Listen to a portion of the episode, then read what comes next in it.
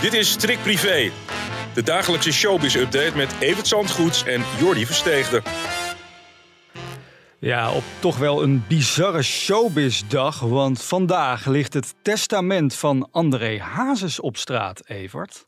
Ja, dat eh, publiceren we. En dan wordt gewoon duidelijk waar het vorige week in die rechtszaal over ging. Mhm. Dat zie je daar zwart op wit staan. En ja, het is een harde maatregel van, eh, van André Hazes geweest. Toen hij Mhm. drie jaar voor zijn dood bij de notaris een testament opmaakte.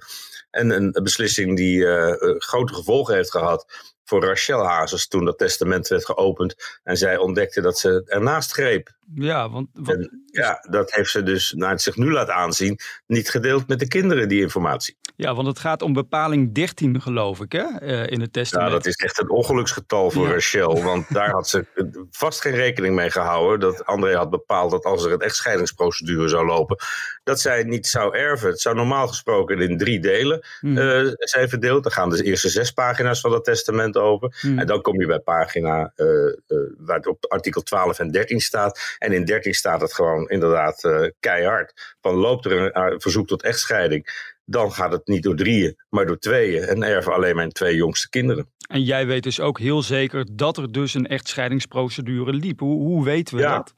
Nou, dat- was destijds aangekondigd. En dat is ook terug te vinden bij de griffier van de rechtbank in Utrecht, waar dat verzoek tot echtscheiding was ingediend. Mhm. En eh, ja, op 27 december 2004, een dag na Rachel's eerste eenzame kerst Mhm. als weduwe, is het huwelijk, eh, is, is dat verzoek nog, alsnog ingetrokken. Maar ja, het ging om het moment van het overlijden. En dat was in september. En toen liep hij nog. Denk je nou echt dat Rachel zich helemaal voor de domme houdt? Of, of heeft ze het echt niet geweten? Is er ook nog een kans dat Rachel het echt niet wist dat ze geen erfgename was? Nee, want op het moment dat er successierechten betaald moeten worden, dan stelt ze wel dat ze geen erfgename is vanwege dat artikel de, de Oh. 13. Ja. Dus ja, ze weet het zelf al heel erg lang. En die bittere pil heeft ze heel lang geleden doorgeslikt. Mhm. Alleen op het moment, toen het moment daar was dat de kinderen dat zouden hebben moeten weten, toen ze 18 werden, toen heeft ze die informatie naar het zich laten aanzien voor zich gehouden. We moeten nog een eh, kleine week wachten, geloof ik. Hè? Dan gaat de rechter uitspraak doen in dit kort geding. Daarop Volgende week vooruitlopen. donderdag, ja. Wat verwacht jij daarvan?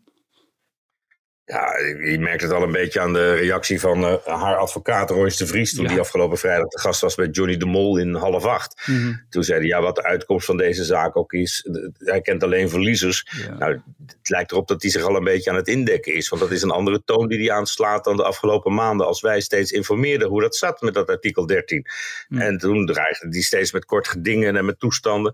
En daar is toch weinig van over nu. Is een handen vol aan dit kort geding. Omdat hij, ja, het staat er gewoon. Dus eh, volgens mij hoeft het niet zo ingewikkeld te zijn. En dat is ook de reden waarom hij nooit met een bewijs van erfrecht gekomen is. Gewoon omdat dat er niet is. Vanwege dat artikel 13.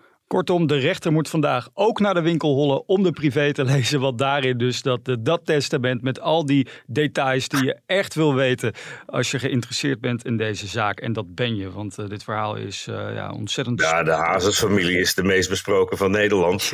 Meer nog dan de koninklijke familie, geloof ik. Die kunnen haast dan dansen op een eiland in de Antillen. Maar dat maakt niet zoveel los als, als, als wat de Hazes-familie zo links en rechts overhoop haalt.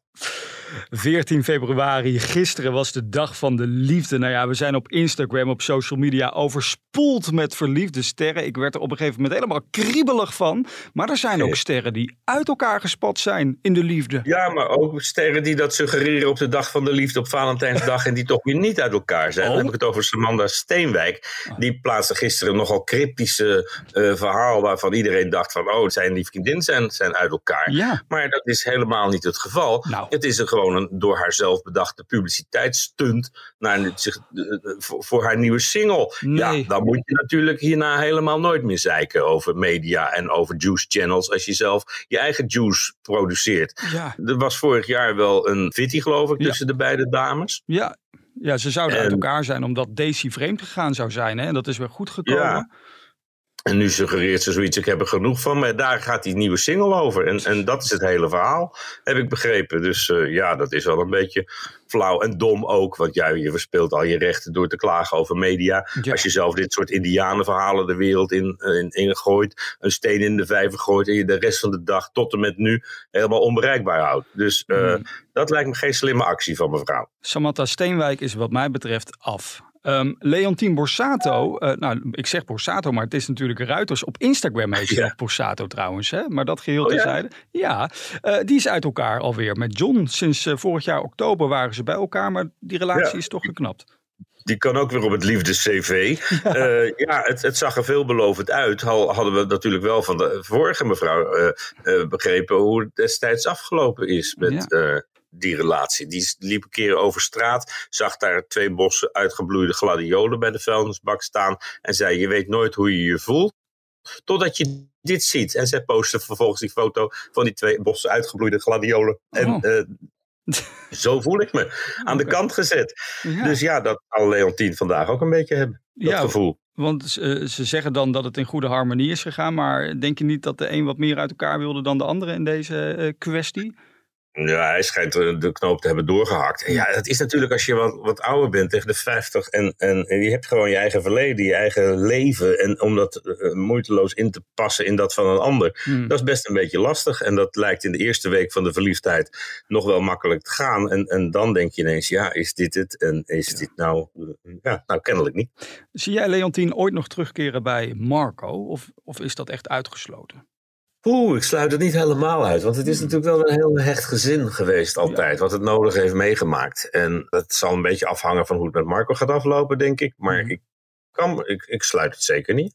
Nee, mensen zijn toch uh, de, de, afgelopen 25 jaar heel goed doorgekomen over Ja. het algemeen. En jij bent goed in voorspellingen, hè? dat weten we inmiddels. Je bent de meestervoorspeller in de showbiz. Zo heb ik jou ooit uh, uitgeroepen in deze podcast. En waarschijnlijk ga jij dus ook weer gelijk krijgen met Peter Gillis. Want heeft hij nou Ja, die werd alweer in Maastricht gespot met iemand. Terwijl we gisteren zei van, nou die krijgt heel snel een ander. Ja, Ja. dat gezichtsverlies van Peter, dat laat hij niet over zijn kant heen gaan natuurlijk. hij gaat vreemd, dan moet ook hij een ander. Ja. En uh, die, die schijnt er al te zijn in zijn leven. Maar Hmm. uh, of het nou deze mevrouw is met wie die in Maastricht werd gespot door een van de Juice Channels, dat, dat weet ik nog niet. Hmm. Maar je voelt gewoon op je, op, je, op je klompen aan dat Peter Gillis niet heel lang alleen zal zijn. Hmm. Gewoon omdat dat, uh, ja, dat ziet er al niet uit in die docu-soap en dat draait zijn leven rond. Ja, precies.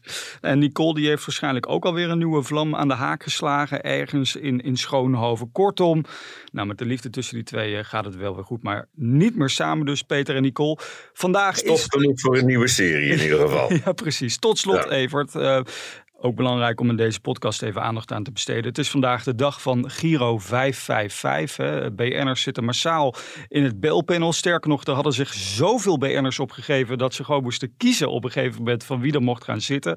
Maar Ja, belangrijk... maar iedereen is ook maar BN'er tegenwoordig natuurlijk. Dus ja, ik denk als je de, keuze hebt uit 270 BN'ers, Ja, dat het wel heel erg veel is. Ik, ik, zou, ze, ik zou er geen 270 kunnen noemen bij naam. Maar uh, dat denkt de groot deel zelf Ja. Anders over. Geloof ik. heb jij wel eens in dat belpanel gezeten voor Giro 5? Nee, nee, nee, maar volgens mij is het ook niet dat je belt en dan mij aan de lijn krijgt. Dat je denkt van nou weet je wie ik aan de lijn heb. Dus uh, ja, daar moeten gewoon echt uh, uh, mensen met een iets hoger knuffelgehalte zitten. Ja. En die lukt het in het algemeen ook om meer geld los te peuteren dan, uh, dan ik zou kunnen. En Chantal Jansen die eh, presenteert vanavond de grote live show. Oh, verjaardag hè?